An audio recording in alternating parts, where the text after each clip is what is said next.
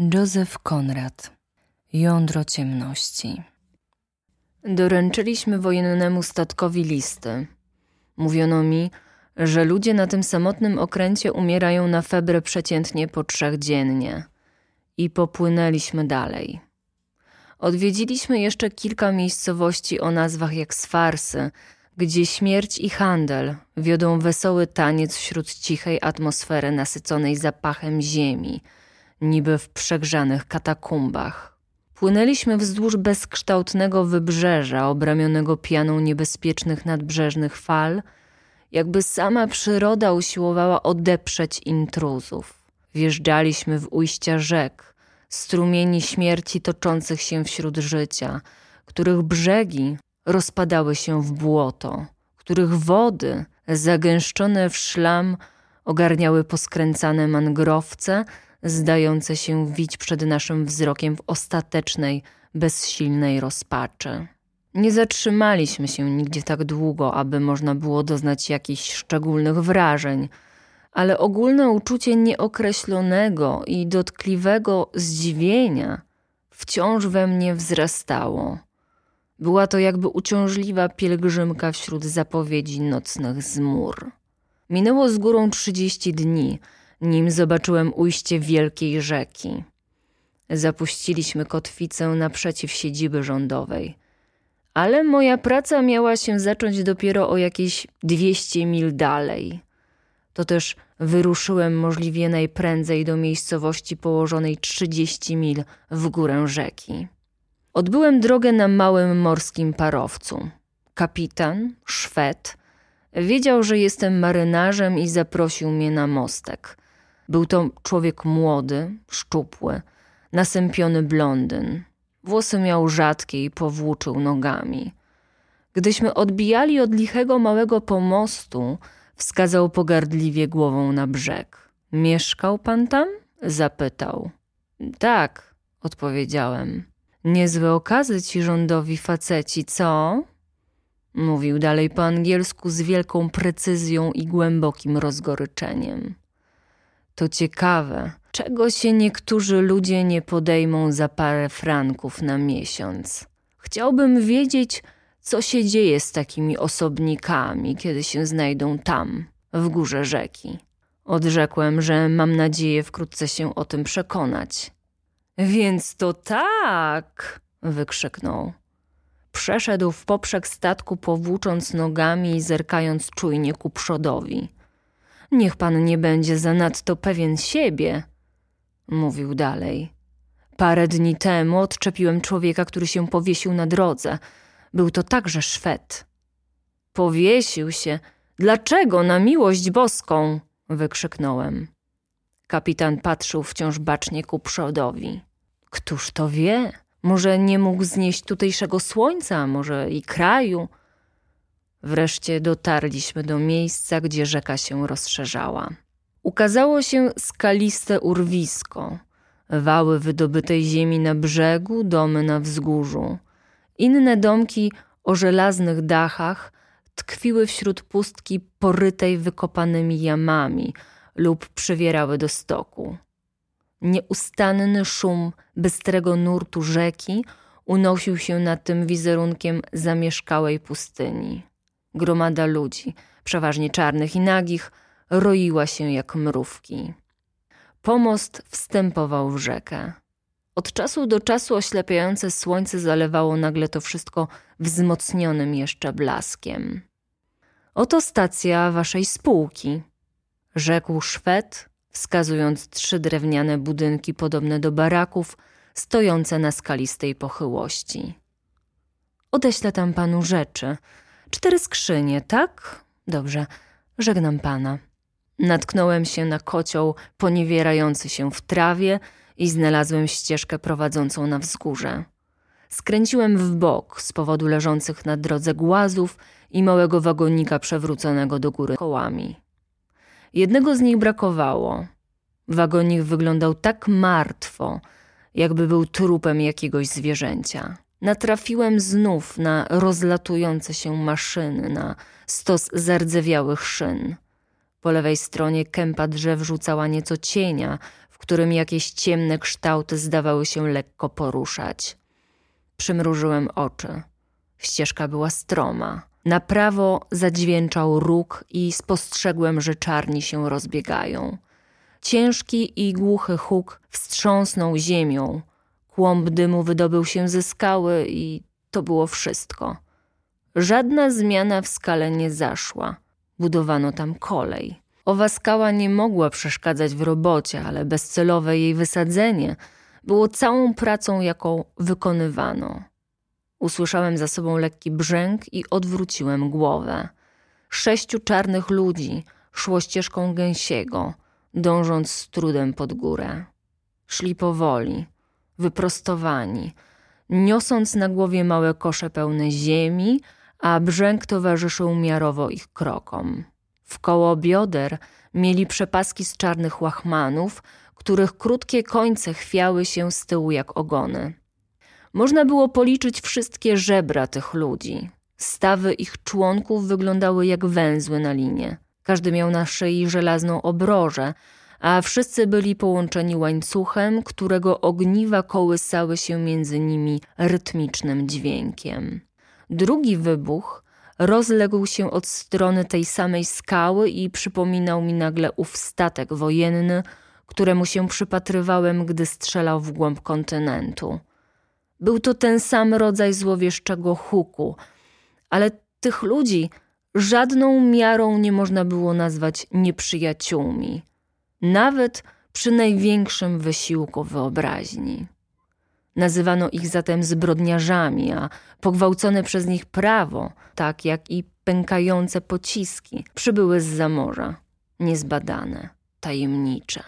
Wychudłe piersi murzynów dyszały równocześnie, rozdęte gwałtownie nozdrza drgały, oczy patrzyły kamiennym wzrokiem w górę przed siebie. Przeszli o sześć cali ode mnie, nie rzuciwszy mi nawet spojrzenia – z zupełną, śmiertelną obojętnością dzikich, którzy są nieszczęśliwi.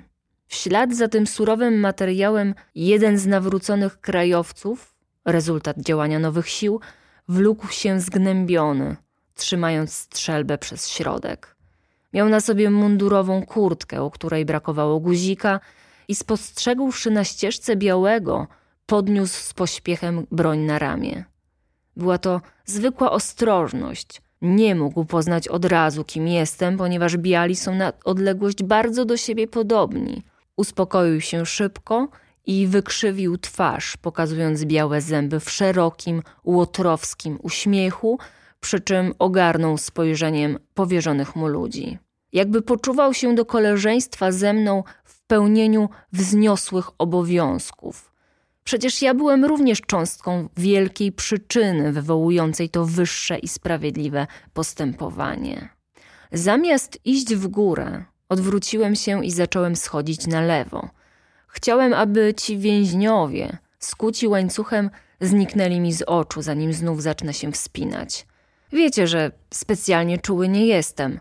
Wypadało mi nieraz i zadawać ciosy, i odbierać je – Czasem musiałem się bronić, a czasem atakować, co jest tylko pewną formą obrony, nie zastanawiając się wiele, zgodnie z wymaganiami życia, w jakie wdepnąłem.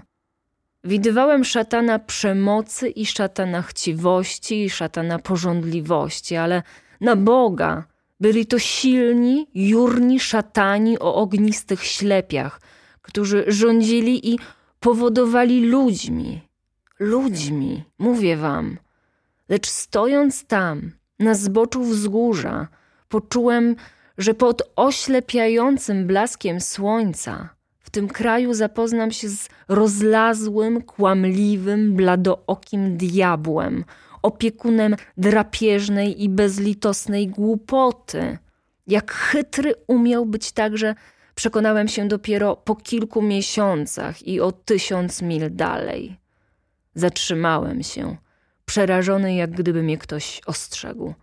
Wreszcie zacząłem schodzić na ukos ze wzgórza, kierując się ku drzewom, które przedtem widziałem.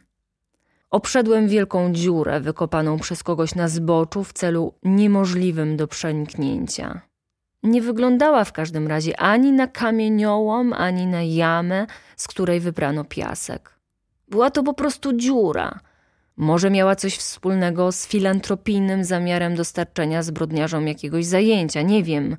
Potem znów o mało co nie wpadłem do bardzo wąskiej szczeliny, wyglądającej na zboczu jak nieznaczna blizna. Odkryłem, że wrzucono tam całe mnóstwo rur sprowadzonych dla zdrenowania osady. Potłukły się co do jednej. Był to objaw rozpasanego niszczycielstwa. Dotarłem wreszcie do drzew. Zamierzałem powałęsać się trochę w ich cieniu, ale ledwie się tam znalazłem, wydało mi się, że przestąpiłem ponury krąg jakiegoś inferno. Wartkie prądy pobliskiej rzeki wytwarzały nieustanny, jednostajny, ślepy, gwałtowny hałas, przepełniający tajemniczym rytmem żałobny spokój gaju jak gdyby gwałtowny rytm rozpędzonej ziemi stał się nagle słyszalny wśród drzew, gdzie się nie czuło najlżejszego powiewu, gdzie nie drgnął żaden listek. Czarne kształty czołgały się, leżały, siedziały między drzewami, opierając się o pnie, tuliły się do ziemi. To widzialne, to przesłonięte mętnym półmrokiem, we wszelkich możliwych pozach i wyrażając ból, zgnębienie i rozpacz.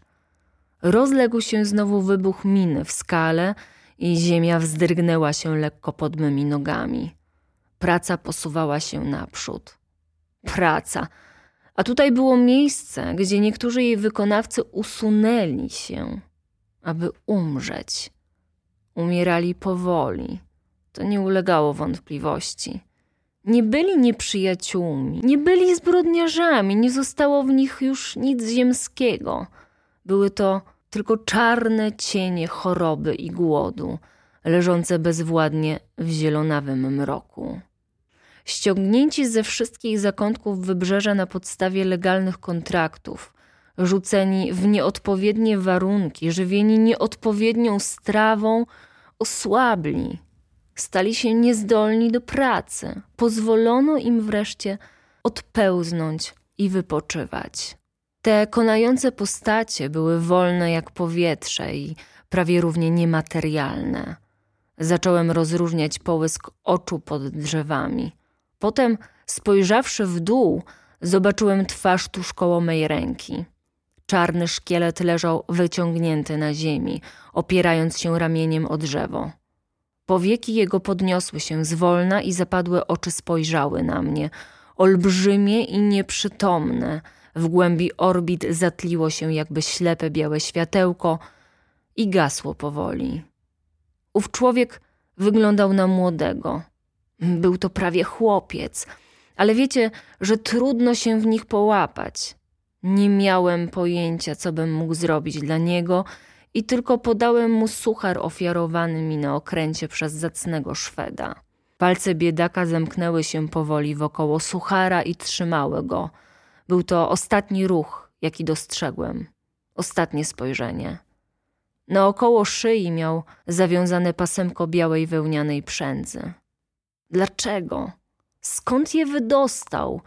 Czy to był jakiś znak szczególny? Czy ozdoba, czy amulet, czy akt błagalny? Czy była w ogóle jakaś myśl z tym związana? Ta odrobina białej przędzy z zamórz wyglądała dziwnie niepokojąco na czarnej szyi. Niedaleko tego samego drzewa jeszcze dwie wiązki kątów ostrych siedziały z podciągniętymi nogami. Jeden z murzynów oparł brody o kolana, patrząc w próżnię w przerażający, nieznośny sposób. Bratnia jego Mara podtrzymywała sobie czoło, jakby owładnięta wielkim znużeniem. Inne jeszcze były rozrzucone wokoło, poskręcane we wszystkich możliwych pozach, pełnych wyczerpania, jak na obozie rzezi lub moru. Gdy stałem porażony zgrozą, jedna z tych istot zwlokła się na ręce i kolana i popełzła na czworakach w stronę rzeki, aby się napić. Chłeptała wodę z dłoni. Potem usiadła na słońcu, skrzyżowawszy przed sobą piszczele, a w chwilę później wełnista jej głowa opadła na piersi. Miałem już dosyć tego wałęsania się w cieniu i pośpieszyłem ku stacji. W pobliżu zabudowań spotkałem białego, ubranego z tak nieoczekiwaną elegancją, że w pierwszej chwili wziąłem go za coś w rodzaju wizji. Zobaczyłem wysoki, nakrochmalony kołnierzyk, białe mankiety, lekką alpakową kurtkę, śnieżne spodnie, jasny krawat i lakierki. Kapelusza nie miał. Włosy jego były rozdzielone, wyczesane i wypomadowane, a w dużej białej ręce niósł parasol z zieloną podszewką. Był zdumiewający. Za jego uchem tkwiło pióro. Podałem dłoń temu cudu i dowiedziałem się, że jest to główny buchalter spółki i że całą księgowość prowadzi się właśnie na tej stacji. Powiedział, iż wyszedł tylko na chwilę, aby odetchnąć świeżym powietrzem. To wyrażenie brzmiało bardzo dziwacznie, budząc asocjację biurowego siedzącego życia. Nie byłbym wam wcale wspominał o tym urzędniku, ale z jego ust usłyszałem po raz pierwszy nazwisko agenta, który tak nierozerwalnie się łączy z mymi wspomnieniami z tego okresu. A przy tym czułem dla tego faceta szacunek. Tak, czułem szacunek dla jego kołnierzyków, szerokich mankietów, wyczesanej czupryny. Wyglądał niewątpliwie jak lalka od fryzjera, ale wśród wielkiego rozprężenia w całym kraju dbał o swą powierzchowność. To się nazywa trzymać fason. Jego nakrochmalone kołnierzyki i gorsy od koszul były wynikiem siły charakteru. Bawił tu już blisko trzy lata i nie mogłem się kiedyś powstrzymać od zapytania, skąd wytrzasnął taką bieliznę. Zaczerwienił się leciutko i rzekł skromnie. Wyuczyłem jedną z tutejszych kobiet kręcących się przy stacji. To było trudne. Nie smakowała jej ta robota. Takim sposobem człowiek ten rzeczywiście czegoś dokazał. A przy tym był szczerze oddany swoim księgom, które utrzymywał we wzorowym porządku. Poza tym wszystko na stacji było w nieładzie. Głowy, rzeczy, budynki. Długie sznury pokrytych kurzem murzynów o płaskich stopach przybywały i odchodziły. Potok wszelakiej manufaktury, lichych perkali, paciorków i miedzianego drutu odpływał w głąb ciemności, skąd sączyła się w zamian drogocenna kość słoniowa. Musiałem czekać na stacji przez dziesięć dni, całą wieczność. Mieszkałem w chacie na dziedzińcu, ale żeby się wyrwać czasem z tego chaosu, zawadzałem o biuro buchaltera. Zbudowane było z poziomych desek tak licho dopasowanych, że gdy buchalter pochylał się nad wysokim swoim pulpitem, poprzekreślany był od stóp do głów wąskimi paskami światła. W pokoju było jasno, bez otwierania wielkiej okiennicy. Przy tym panował tam upał. Wielkie muchy brzęczały szatańsko i nie kłuły, lecz raniły. Siadywałem zwykle na podłodze, podczas gdy buchalter o nieskazitelnej powierzchowności, nieco nawet uperfumowany, sterczał na wysokim stołku i pisał. Czasem wstawał, aby rozprostować kości. Gdy wtaczano łóżko na kółkach z chorym, jakimś agentem, który zasłabł w górnych okolicach rzeki, przejawiał lekkie rozdrażnienie. Jęki chorego, mówił, rozpraszają moją uwagę a bez tego niezmiernie jest trudno ustrzec się błędów w tym klimacie. Pewnego dnia zauważył, nie podnosząc głowy. Tam w głębi kraju spotka się pan z pewnością z Kurcem. Gdy zapytałem, kim jest Kurz, odrzekł, że to jeden z głównych agentów. Spostrzegłszy, iż ta informacja rozczarowała mnie, dodał powoli, odkładając pióro. Bardzo wybitny człowiek. Dowiedziałem się dalej od niego, że Kurz jest kierownikiem handlowej stacji, bardzo ważnej stacji we właściwym kraju kości słoniowej, w samym centrum. Przysyła tyle kości słoniowej, co wszyscy inni razem wzięci. Zaczął znów pisać. Z chorym było tak źle, że nawet nie jęczał. Muchy bzykały wśród wielkiego spokoju. Nagle usłyszałem wzrastający gwar i głośny tupot kroków. Przybyła karawana. Gwałtowny bełkot złożony z dziwacznych dźwięków wybuchnął po drugiej stronie desek. Wszyscy tragarze mówili jednocześnie, a wśród tego hałasu rozległ się żałosny głos głównego agenta, który wołał po raz dwudziesty tego dnia, że ma już tego dosyć. Wstał powoli z krzesła. Cóż to za okropny hałas? powiedział. Przeszedł po cichu przez pokój, aby spojrzeć na chorego i rzekł do mnie wracając. On nie słyszy. Jak to umarł? spytałem przestraszony. Nie, jeszcze nie, odrzekł z wielkim spokojem. Potem dodał, kiwnąwszy głową w stronę zgiełku na dziedzińcu. Kiedy człowiek musi wciągać jak się należy pozycję, zaczyna czuć do tych dzikich nienawiść, śmiertelną nienawiść. Zamyślił się na chwilę. Jak pan zobaczy Kurca, ciągnął dalej, niech mu pan powie ode mnie, że wszystko tutaj, spojrzał na pulpit, jest w zupełnym porządku. Nie lubię pisać do niego z tymi naszymi posłańcami. Nie wiadomo nigdy, do czyich rąk list może się dostać tam, na tej stacji centralnej. Patrzył we mnie przez chwilę łagodnymi, wypukłymi oczyma. O, ten to zajdzie daleko, bardzo daleko, zaczął znów. Zajmie wkrótce ważne stanowisko w administracji. Postanowili tak ci u góry. Rada Spółki w Europie, rozumie pan? Zabrał się znów do pracy. Hałas na zewnątrz ustał. Wychodząc z chaty, zatrzymałem się na progu. Wśród spokojnego brzęczenia much, agent wracający do kraju leżał czerwony i nieczuły na wszystko.